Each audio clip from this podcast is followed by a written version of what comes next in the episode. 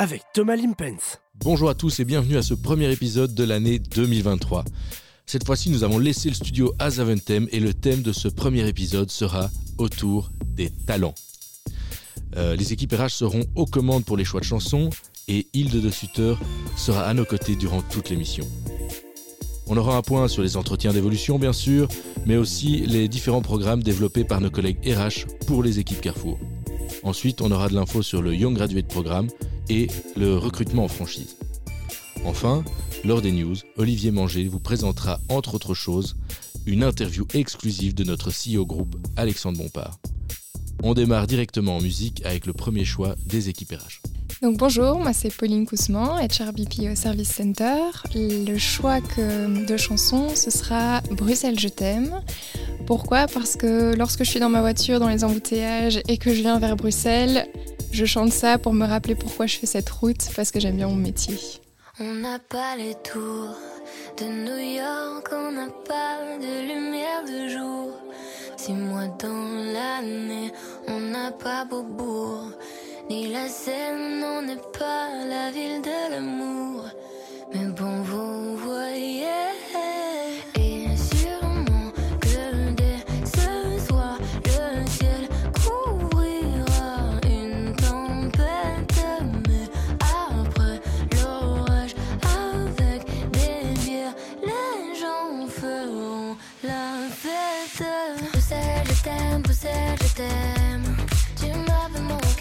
Bruxelles, je t'aime, Bruxelles, je t'aime. T'es ma préférée. Bruxelles, je t'aime,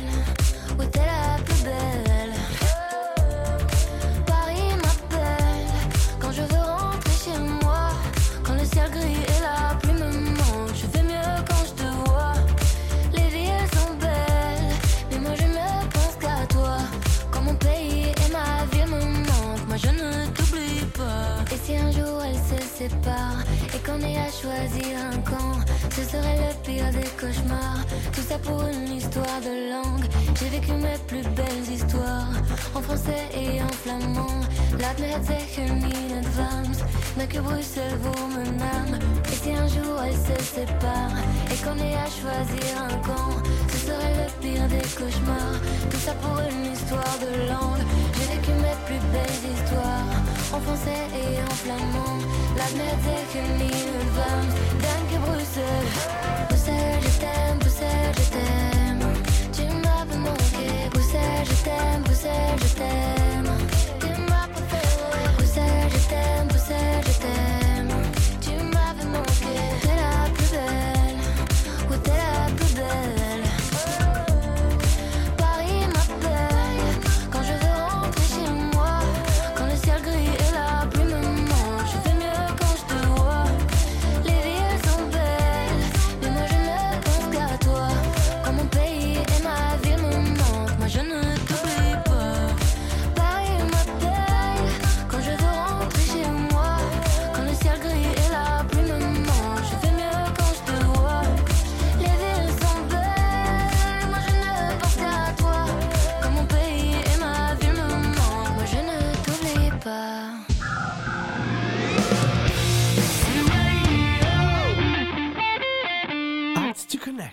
Première interview de ce mois de janvier avec Hilde de Sutter. Hilde, bonjour. Alors Hilde, tu es Talent Director. Est-ce que tu peux nous en dire plus sur ton parcours?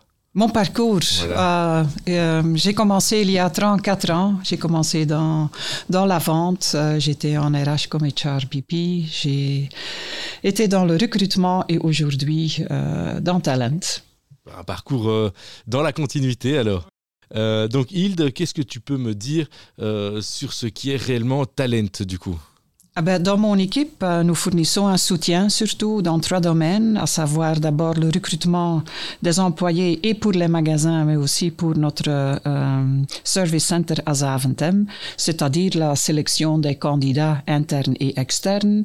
Mais aussi un deuxième domaine, c'est euh, la section d'apprentissage, de développement des connaissances, où nous aidons nos employés, nos collaborateurs dans l'acquisition des connaissances et le développement de leurs compétences et ceci à travers des e-learning, des webinaires ou des formations physiques. Et aussi, last but not least, des projets RH qui gèrent entre autres aussi euh, la gestion des cycles talent. Ah, et le cycle talent, qu'est-ce que ça signifie ça? Ah ben, comme le mot le dit lui-même, il n'y a pas vraiment un début ni un fin, c'est un cycle, c'est quelque chose qui ne cesse pas de se répéter. Et vous commencez euh, normalement chez Carrefour euh, dans votre job et j'espère que votre manager vous dira quelles sont ses attentes à votre égard, mais à vous aussi de dire ce que vous attendez de votre manager. Et je pense que ce qui est le plus important, c'est que vous faites ça ensemble, quel chemin vous allez parcourir. Et c'est quand même très important qu'à des moments euh, réguliers, vous ferez donc le, le point sur l'atteinte des résultats, sur la satisfaction, sur votre sentiment dans le rôle que vous exercez. Et c'est clair que ça se fait d'une manière informelle, mais aussi formelle, c'est-à-dire lors de l'entretien de votre évaluation annuelle.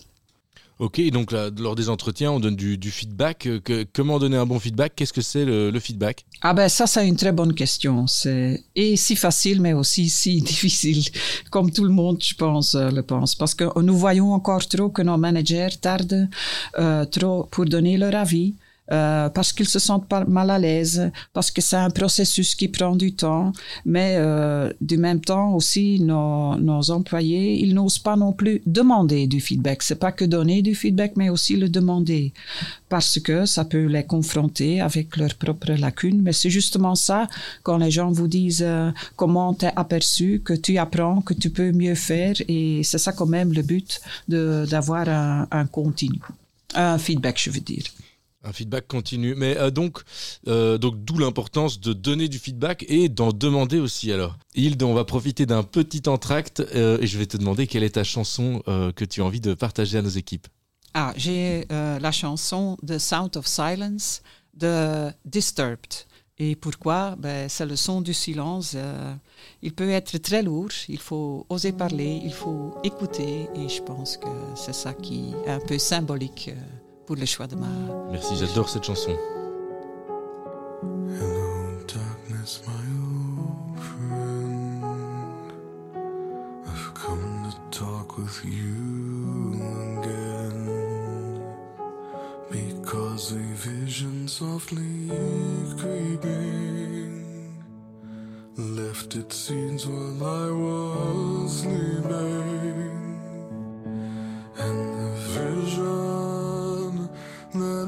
Planted in my brain still remains within the sound of silence. In restless dreams, I walked alone, narrow streets of cobblestone.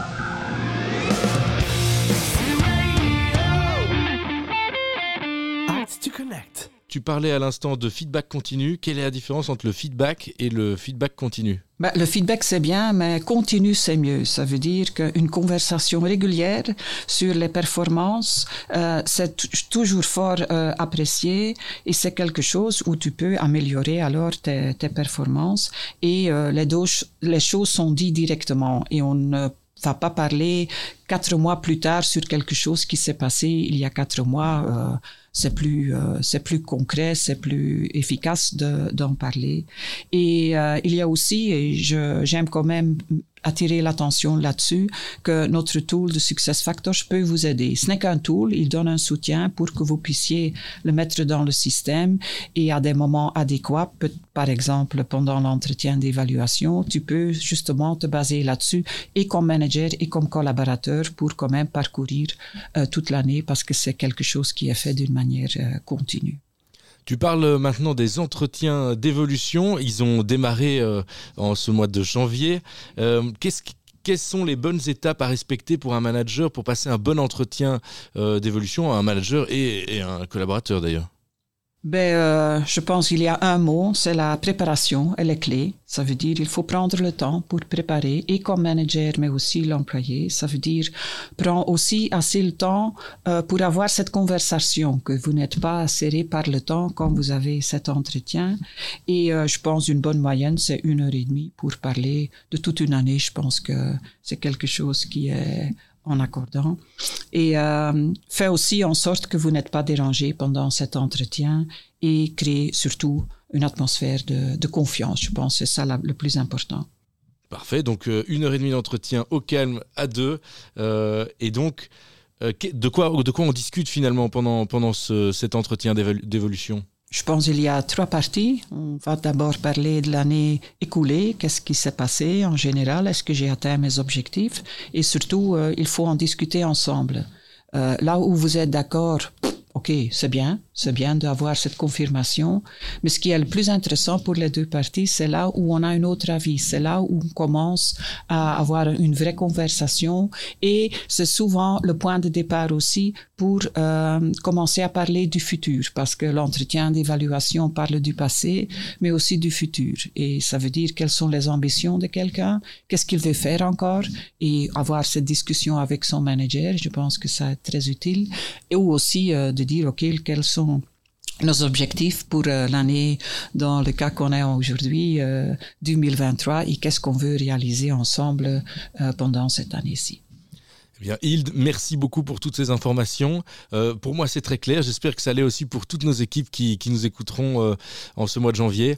Euh, je te remercie et merci de rester avec moi pour, euh, pour toute cette émission. Merci pour l'invitation. À nouveau, une chanson choisie par nos collègues de RH. Bonjour, euh, je suis Kirsten de l'équipe Talent. Euh, J'ai cho- cho- choisi la chanson A OK de Ty Verdes parce que euh, l'un des Young Graduates euh, me l'a proposé dans une training et je l'adore. So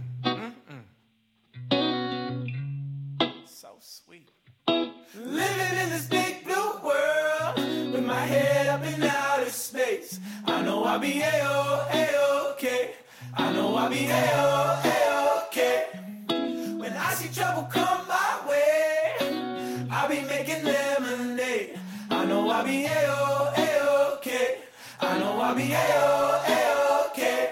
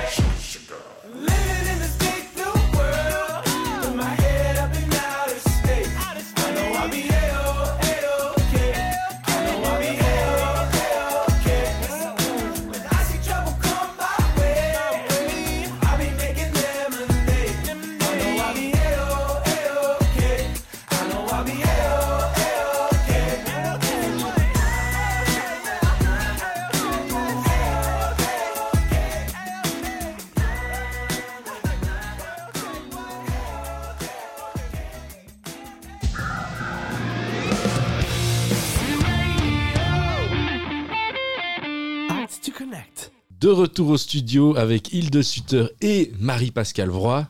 Marie-Pascale Vroy qui est Learning Facilitator, donc c'est, si je ne me trompe pas en en français, facilitateur d'apprentissage. Tout à fait, Thomas. C'est exactement ça. Alors, bonjour Marie-Pascale. Alors, il y a peut-être quelques rares personnes chez Carrefour qui ne te connaissent pas encore, donc tu peux nous décrire un peu ton parcours? Oui, tu as raison. Il y a certainement très peu de personnes euh, qui ne me connaissent pas. Euh, et donc, comme euh, Hilde vient de le citer, eh bien, euh, Talent se compose de trois départements. Et en ce qui me concerne, moi, je travaille au Talent Development. Je travaille au développement des talents en proposant des formations et notre slogan est Agir pour votre développement et votre carrière. Et c'est un slogan qui me parle beaucoup parce que c'est ce qui a fait tout mon parcours tout au long de ma carrière. Pourquoi? Ben Parce que c'est-à-dire qu'il faut prendre en main sa propre croissance et nous, à côté de ça, nous offrons l'offre de formation. Nous avons deux piliers dans ce domaine. D'une part, il y a le, le catalogue des formations. Il est accessible à tous et chacun peut s'y inscrire. Et d'autre part, nous proposons des programmes de formation. Il existe un programme pour chaque niveau de Carrefour. Tout le monde est formé chez Carrefour, de l'employé de magasin jusqu'au CEO. Je vois que Hilde approuve tout ce que tu dis, Euh, donc ça semble évidemment très intéressant que tout le monde soit formé.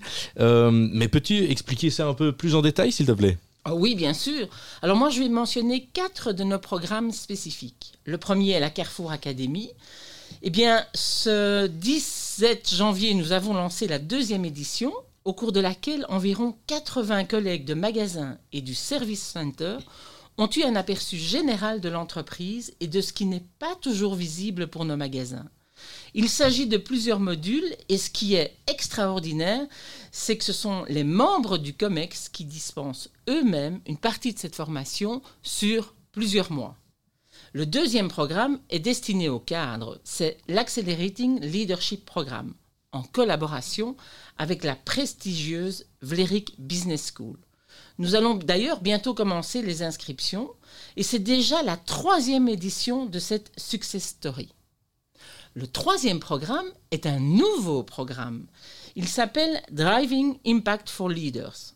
Ce programme s'adresse à nos cadres supérieurs et là, nous nous intéressons ici à la manière dont un directeur, par exemple, gère l'impact qu'il a sur ses collaborateurs. Eh ben, c'est génial qu'il y, ait, euh, y ait des formations en fait pour toutes les catégories. Euh, mais dans votre offre, quel est le quatrième programme déjà? Eh bien, c'est le Career Legacy Circle. Et c'est quelque chose de complètement différent des autres programmes, car savais-tu que 40% de nos employés ont 50 ans ou plus chez Carrefour en Belgique? Ça non. Alors, nous voulons faire quelque chose avec ce groupe autour de comment rester motivé, comment s'engager dans la troisième partie active de notre carrière et surtout quel héritage professionnel pouvons-nous transférer. Nous lancerons un projet pilote francophone et néerlandophone en 2023. Et là aussi, nous sommes sur un nouveau programme. C'est, formidable que Carrefour s'engage aussi pour ce groupe de collègues qui représente du coup 50%, tu disais. Oui, oui, oui. C'est sûr, et je suis très fière de pouvoir accompagner mes collègues dans ce process. Je voudrais terminer en citant à nouveau notre slogan Agir pour notre développement et notre carrière. Eh bien, ça commence par nous. Et personne n'est désigné pour suivre un programme. Toute personne qui fait partie du groupe cible peut en faire la demande. Cela t'appartient. Eh bien, Marie-Pascale, c'était très clair, merci beaucoup. Euh, Hilde, est-ce que tu as quelque chose à rajouter peut-être? Euh, pas vraiment, je pense que comme d'habitude, Marie-Pascale a bien résumé euh, notre, notre programme sur lequel on est très fiers. Et j'ai qu'un message à vous donner, c'est Just Do It, prends votre carrière en main et inscrivez-vous. Je vais poser une dernière question à Marie-Pascale. Marie-Pascale, quelle est la chanson que tu veux partager euh, aujourd'hui avec nos équipes? Oh bien, j'aimerais partager Let's Dance de David Bowie parce que la vie, c'est comme une danse. Eh ben, on s'écoute ça tout de suite. Merci Marie-Pascale. À bientôt! À bientôt.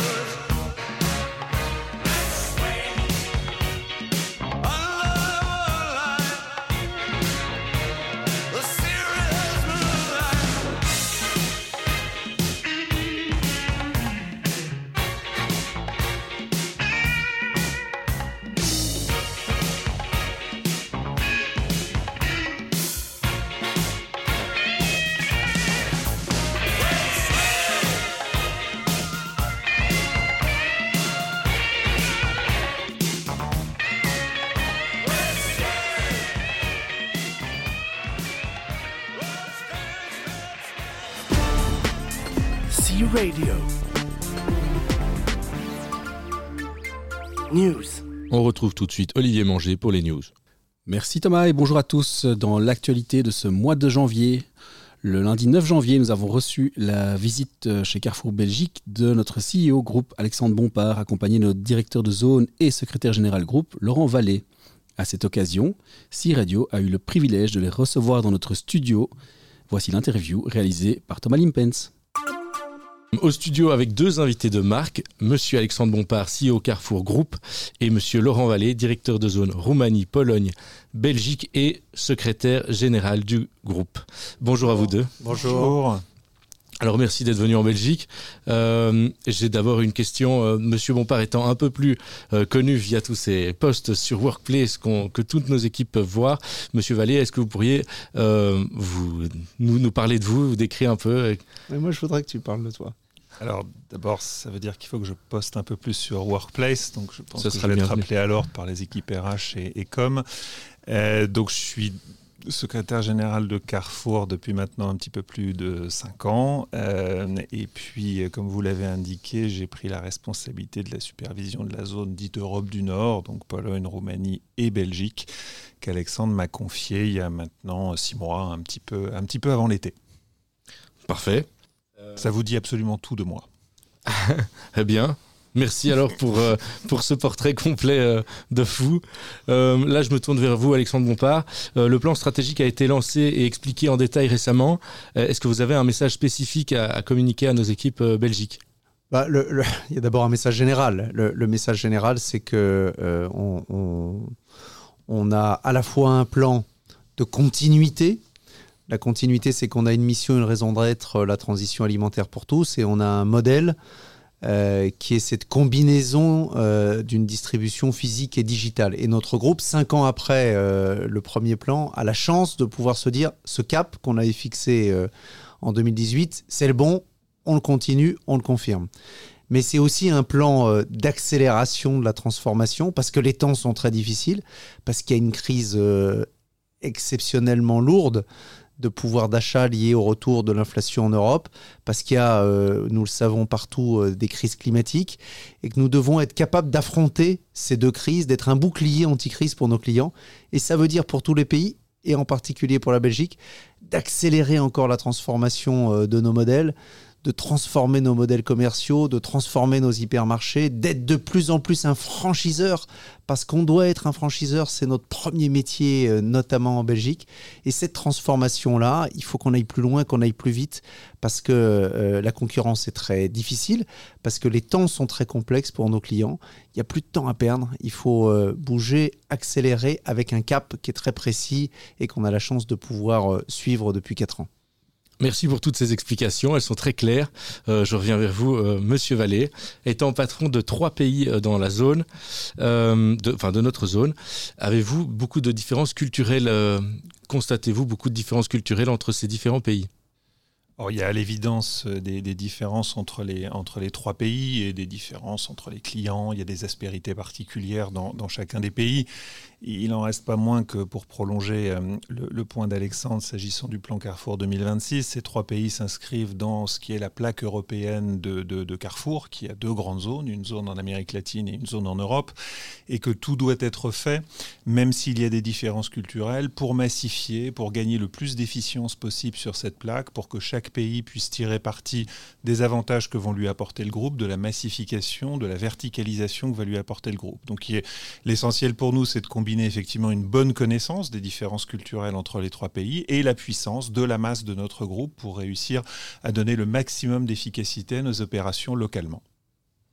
Un message très très très clair. Merci Monsieur Vallée. Euh, je me dirige vers vous deux maintenant. Euh, alors, on a, on a développé cette initiative de C-Radio en Belgique. Est-ce que vous connaissez des initiatives similaires dans d'autres pays? Pas à ma connaissance. Non, sous cette pas. forme, non. C'est une, c'est une première belge, mais euh, très intéressante pour les autres. Merci. Euh, merci de nous, nous dire ça. Un beau projet. En tout cas, on est très heureux de, de le développer. Euh, autre question pour vous deux. Quel est votre produit préféré dans notre gamme? Alors nous, on est très gourmands avec Laurent, donc on, on adore euh, les, les- les- les galettes, les Belges. Euh, Ouais, en fait, en, en- en- en public, on mange les, les- les fruits secs Carrefour bio. Voilà. Quand on est au bureau, on fait croire qu'on est très à la fois sportif Comme et tous. soucieux de notre santé. Voilà. Et en cachette, on mange les galettes au beurre belge Voilà, euh, qu'on qu'on ramène et qu'on mange dans le Thalys et à la maison. mais, mais, mais très secrètement, mais, mais très goulûment.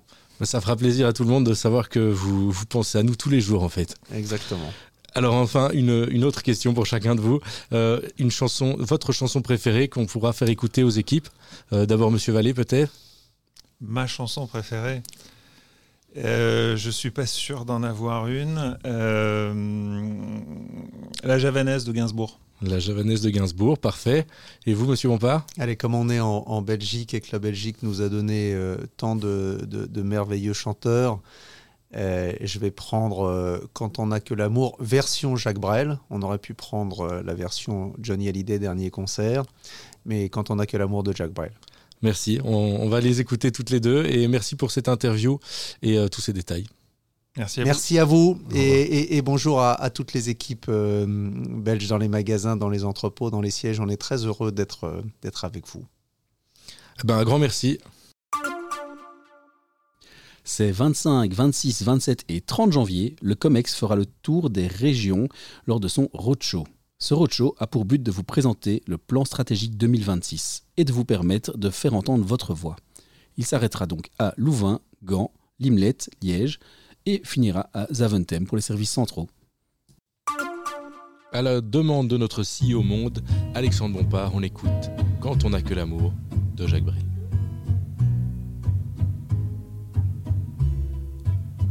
Quand on n'a que l'amour à s'offrir en partage au jour du grand voyage qu'est notre grand amour. Quand on n'a que l'amour, mon amour, toi et moi, pour qu'éclate de joie chaque heure et chaque jour. Quand on n'a que l'amour pour vivre nos promesses sans nulle autre richesse d'y croire toujours.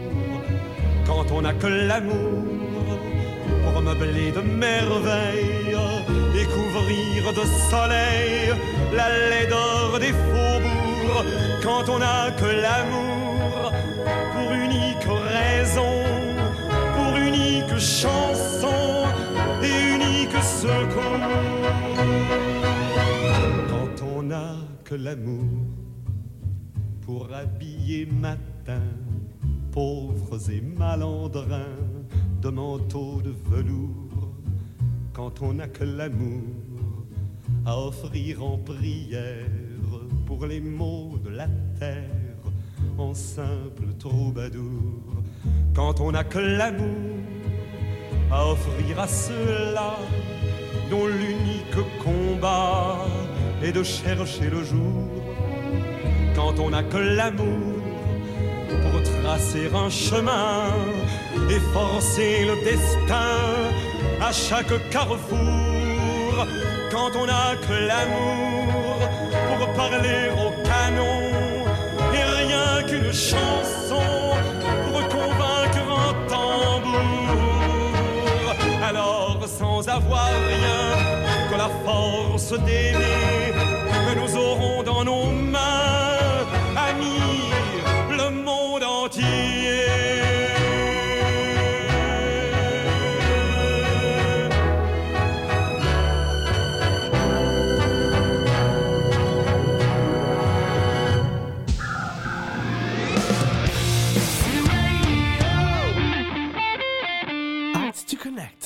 En direct du studio avec Laure Delafage, HR Project Officer. Euh, Laure, bonjour. Bonjour, merci de m'accueillir. Alors Laure, tu peux nous parler un peu de toi? Quel est ton parcours chez Carrefour?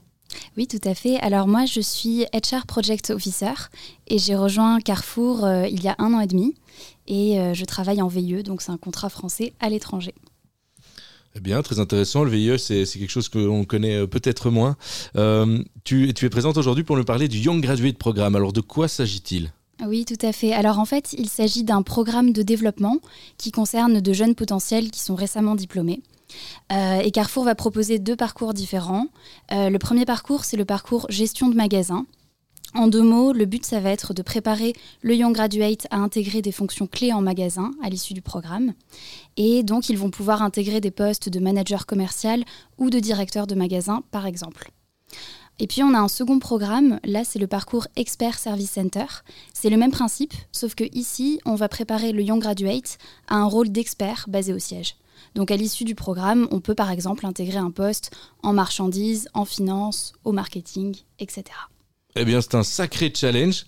Euh, Et comment vous les préparez à, tout cela? Et alors, bah, pour le parcours gestion des magasins, on va organiser des stages de plusieurs mois dans différents départements de nos magasins. Donc ça va permettre aux Young Graduates de découvrir un certain nombre de fonctions et d'observer des modes de fonctionnement qui peuvent varier d'un magasin à un autre. Et en plus de ça, ils vont aussi effectuer une mission de trois mois au siège, parce que bah, c'est important qu'ils aient aussi une vision globale du fonctionnement de Carrefour. Et puis, le parcours Expert Service Center, lui, il est constitué de trois missions de quatre mois au siège. Et l'objectif ici, c'est que les Young Graduates se forment au fonctionnement du siège de Carrefour en découvrant plusieurs fonctions différentes selon leur appétence. Là aussi, ils vont réaliser une mission de trois mois en magasin. Et c'est vraiment important parce que les services centraux viennent en support à l'opérationnel. Et c'est donc une vraie valeur ajoutée de connaître la réalité des magasins. Et puis à côté de ça, on va demander aux Young Graduates de présenter un projet au COMEX. Ils vont aussi bénéficier d'un accompagnement personnalisé et de diverses formations tout au long du programme. Donc ça va les aider vraiment à, se développer. Eh bien, d'après ce que je comprends, les, personnes qui intègrent ce Young Graduate Programme vont devoir faire preuve d'une grande ad- adaptabilité. Euh, mis à part ça, y a-t-il d'autres qualités requises pour être admis dans ce programme? Oui, alors tout à fait. hein, il faut vraiment être flexible, adaptable, aimer le challenge. Euh, mais ça fait justement partie de la richesse euh, du programme. On ne s'ennuie pas en, en l'intégrant.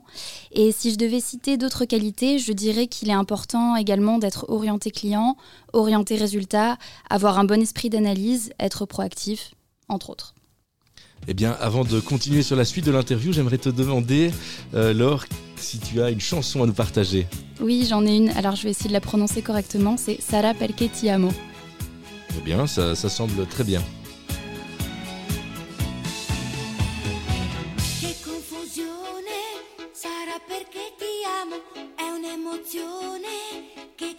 Piano piano, stringimi forte e stammi più vicino, se ci sto bene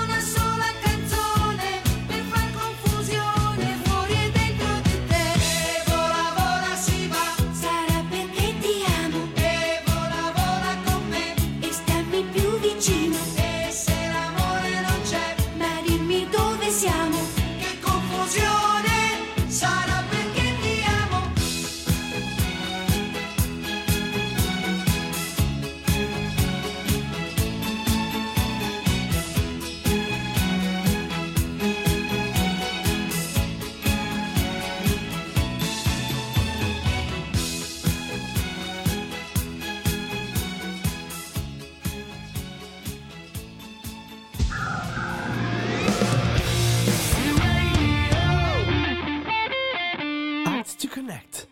Eh bien, merci pour cette superbe chanson, Laure. Euh, revenons à l'interview. Alors, quels sont les critères pour être admis dans ce programme? Euh, Si je veux postuler en interne, euh, j'imagine que c'est possible. Oui, tout à fait. Si vous êtes déjà collaborateur chez Carrefour et que vous êtes intéressé par le Young Graduate Programme, euh, vous pouvez tout à fait postuler. Alors, en ce qui concerne les critères, on va chercher des personnes qui parlent le français et le néerlandais et qui sont à l'aise en anglais. Ensuite, un niveau bachelor minimum est requis et bien sûr, euh, un intérêt pour le retail est nécessaire. Ensuite, euh, bah, c'est un Young Graduate Programme, donc pour les jeunes. Donc on recherche des candidats récemment diplômés et qui ont moins de deux ans d'expérience. Par contre, chose importante à noter, pour les collaborateurs qui souhaitent postuler en interne, alors on va accepter jusqu'à 4 ans d'expérience maximum. Ah, en effet, c'est un, bel avantage pour nos collaborateurs. Mais imaginons que je sois intéressé. Euh, comment est-ce que je peux poser ma candidature? Quelles sont mes étapes à, faire pour postuler au programme? Alors c'est très simple, l'ouverture des vacatures va avoir lieu le 25 janvier et va se clôturer le 31 mars. Donc vous pourrez alors postuler sur le job site de Carrefour. Et ensuite, si vous êtes sélectionné, la procédure de recrutement va être composée par euh, bah, différents entretiens, des tests et aussi un cas pratique à résoudre en groupe lors d'une journée de recrutement. Et puis, les personnes recrutées pourront commencer le programme dans le courant du mois de septembre. Eh bien, tout ce que tu m'as dit est très très très clair. Euh, J'ai juste envie de te poser une dernière question. Est-ce que tu as un dernier mot pour la fin? Oui, eh ben, n'hésitez pas à postuler en interne si vous êtes euh, intéressé, ou bien à en parler autour de vous si vous avez des connaissances qui pourraient correspondre. Euh, vous le savez peut-être, mais il y a une prime de cooptation qui vous sera attribuée si une de vos connaissances est sélectionnée pour participer au Young Graduate Programme. Bien, merci. Euh, je me retourne vers Hilde. Hilde, est-ce que tu as encore un- quelque chose à dire en plus? Pas beaucoup, mais quand même de dire ben, Carrefour a besoin du nouveau sang, des jeunes potentiels qui ont envie, qui sont engagés et qui veulent grandir chez Carrefour, créer leur carrière et pourquoi pas devenir un jour CEO. C'est jamais. On ne sait jamais, hein, il faut prendre les opportunités là où elles sont. Un grand merci à vous deux pour toutes ces explications. Si vous avez des questions supplémentaires, n'hésitez pas à contacter Laure de la Fage ou bien euh, Aline Van Staal. C'est juste? C'est tout à fait ça. Merci beaucoup. Merci. Écoutons tout de suite la javanaise de Gainsbourg, un choix de Laurent Vallée.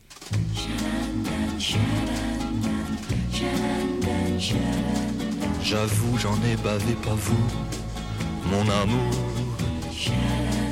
Avant d'avoir eu vent de vous, mon amour.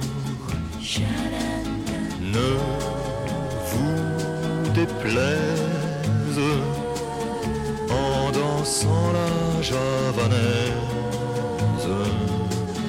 Nous, nous aimions le temps d'une chanson. À votre avis, qu'avons-nous vu de l'amour De vous à moi, vous m'avez eu, mon amour. Ne vous déplaise en dansant la javanaise.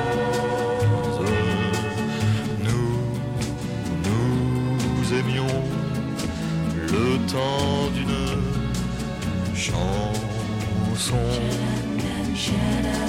Hélas, avril en vain me vous à l'amour. J'avais envie de voir en vous cet amour.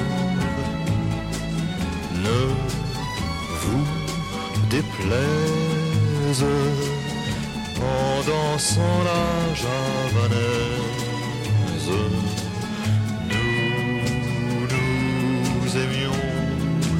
Le temps d'une chanson. La vie ne vaut d'être vécue sans amour. Mais c'est vous qui l'avez voulu, mon amour. Ne vous déplaise en dansant la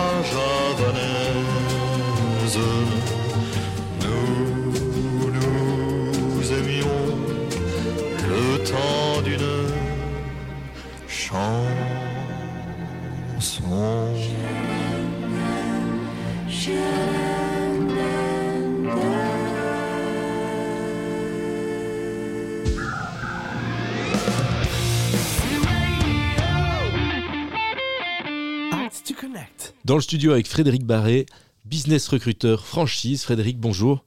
Bonjour Thomas. Alors Frédéric, euh, parle-nous un peu de toi. Quel est ton parcours chez Carrefour? Eh bien, mon parcours chez Carrefour, euh, je viens de la distribution déjà, d'une enseigne concurrente où j'étais manager de rayon chez Cora. Ensuite, euh, j'ai rejoint euh, les services centraux de Carrefour, ce qui me permettait de faire le lien avec mes études et les ressources humaines où j'ai travaillé comme recruteur junior. Euh, J'y ai appris le métier avec des recruteurs expérimentés pour ensuite travailler comme recruteur pour les services centraux, donc des profils de salariés qui travaillent euh, au siège de Carrefour. Et euh, arrivé en 2008, j'ai eu la possibilité d'apprendre le métier de recruteur franchise, où là, ce sont des profils d'indépendants qui sont recherchés, des profils d'investisseurs. Euh, métier que j'ai appris avec également un recruteur expérimenté dans le domaine et que j'ai poursuivi depuis lors avec beaucoup de plaisir pour les enseignes euh, Carrefour Express et Carrefour Market. C'est très clair. Et euh, par exemple, moi, disons que je suis personnellement intéressé par la franchise. Euh, Qu'est-ce que je fais en tant que collaborateur Carrefour? Eh bien, la première chose à faire, c'est de prendre contact avec mes collègues ou moi-même. Alors, c'est très simple, on est contactable sur intranet. Moi, je m'appelle Frédéric Barré. Euh, mes autres collègues, Jean-Pierre Demeuteur ou Koen Putemans. Ce qui est également possible de faire, c'est de laisser ses coordonnées sur le site du recrutement franchise, qui est très facile à retenir. Il s'appelle je deviens franchisé, en un mot, .be. Donc je deviens franchisé.be. En néerlandais, c'est ik word franchisenemer.be. Comme ça, mes collègues et moi-même voyons euh, la demande euh, de la personne, c'est une simple demande d'information qui est traitée en toute confidentialité. Et nous, on prend contact alors avec la personne pour euh, lui donner une première explication par téléphone des enjeux, également de l'investissement que ça représente et de ce qu'on peut en attendre aussi. Et puis après, c'est euh, aux collègues, aux collaborateurs de décider euh, de euh, faire mûrir son idée ou pas. Donc la première démarche est absolument pas liante et totalement confidentielle. Donc si je cherche à, me renseigner sur la franchise, je deviens franchisé.be. Merci beaucoup Frédéric. Et par exemple, si je souhaite développer le réseau Carrefour, comment je fais? J'ai un endroit. Est-ce que je reçois éventuellement une, récompense pour, apporter un endroit à la franchise Carrefour? Très bonne question Thomas. Euh, et là, euh, nous comptons sur la force euh, du groupe et de la société pour pouvoir continuer à grandir en ouvrant des magasins.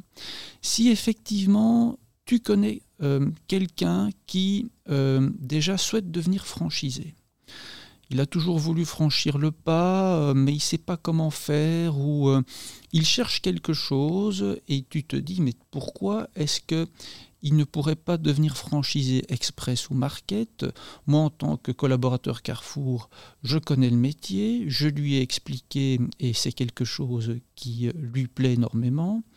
Eh bien alors, si tu nous mets en rapport avec cette personne, que cette personne n'a pas encore été identifiée par nous euh, dans le passé, et que après nous avoir rencontrés et avoir été validés par euh, euh, notre, euh, notre comité attribution, si cette personne signe en définitive un contrat de franchise avec Carrefour, toi en tant que collaborateur qui a amené un nouveau franchisé au sein du groupe, tu as droit à une prime de cooptation, une prime de remerciement, on peut appeler ça comme ça également, de 5000 euros bruts. Et cette prime est également valable si tu apportes un emplacement. Donc si tu euh, vois euh, dans euh, ta zone de résidence ou même ailleurs un emplacement qui est libre ou qui en voie d'être libre, et avec ton œil de commerçant, tu te dis, mais pourquoi est-ce qu'on n'y mettrait pas un Carrefour Express ou un Carrefour Market Ici, il y a une opportunité à saisir? Si, à travers ta bonne idée, dont le service expansion n'était pas encore au courant, parce que bien sûr, il faut que cet emplacement proposé ne soit pas encore identifié par nos services. Bien sûr.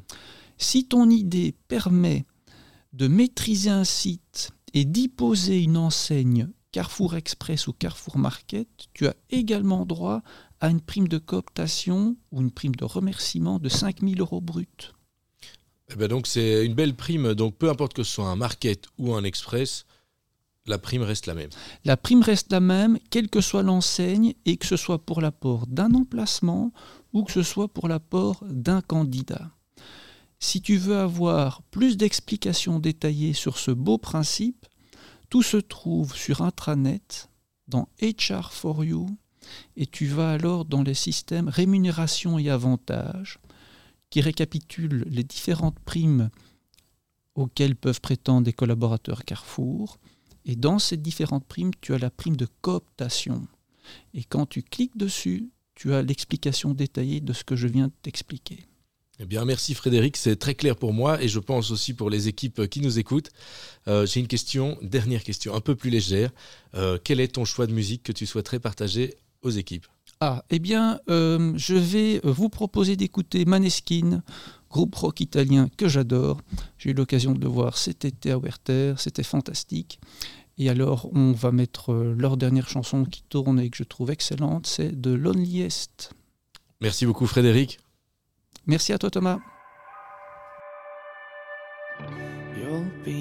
The saddest part of me, a part of me that will never be mine. It's obvious tonight is gonna be the loneliest. You're still the oxygen I breathe. I see your face when I close my eyes. It's torturous.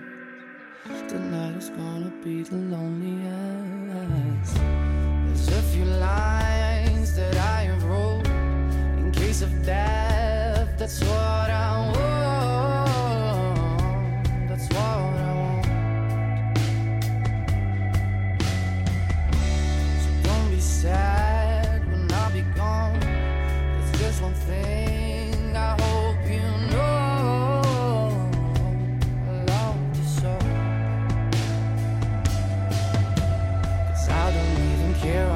Time I've got left here. The only thing I know now is that I wanna spend it with you, with you. Nobody else here. Tonight is gonna be the loneliest.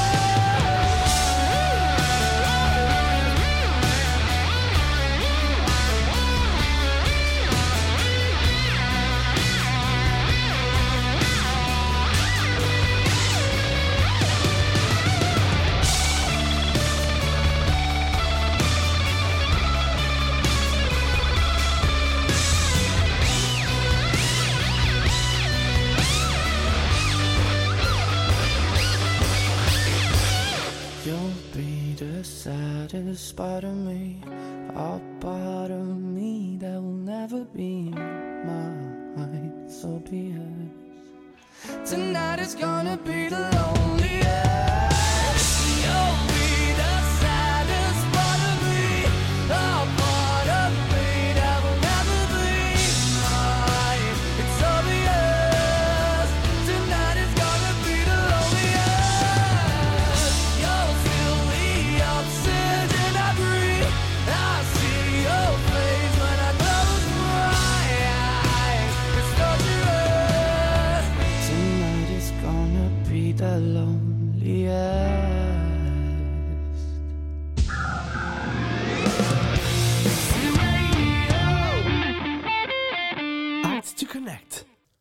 C'est déjà la fin de notre premier épisode de l'année, un épisode basé sur le talent. On aura eu des infos sur les entretiens d'évaluation, sur les différents programmes disponibles pour nos collaborateurs.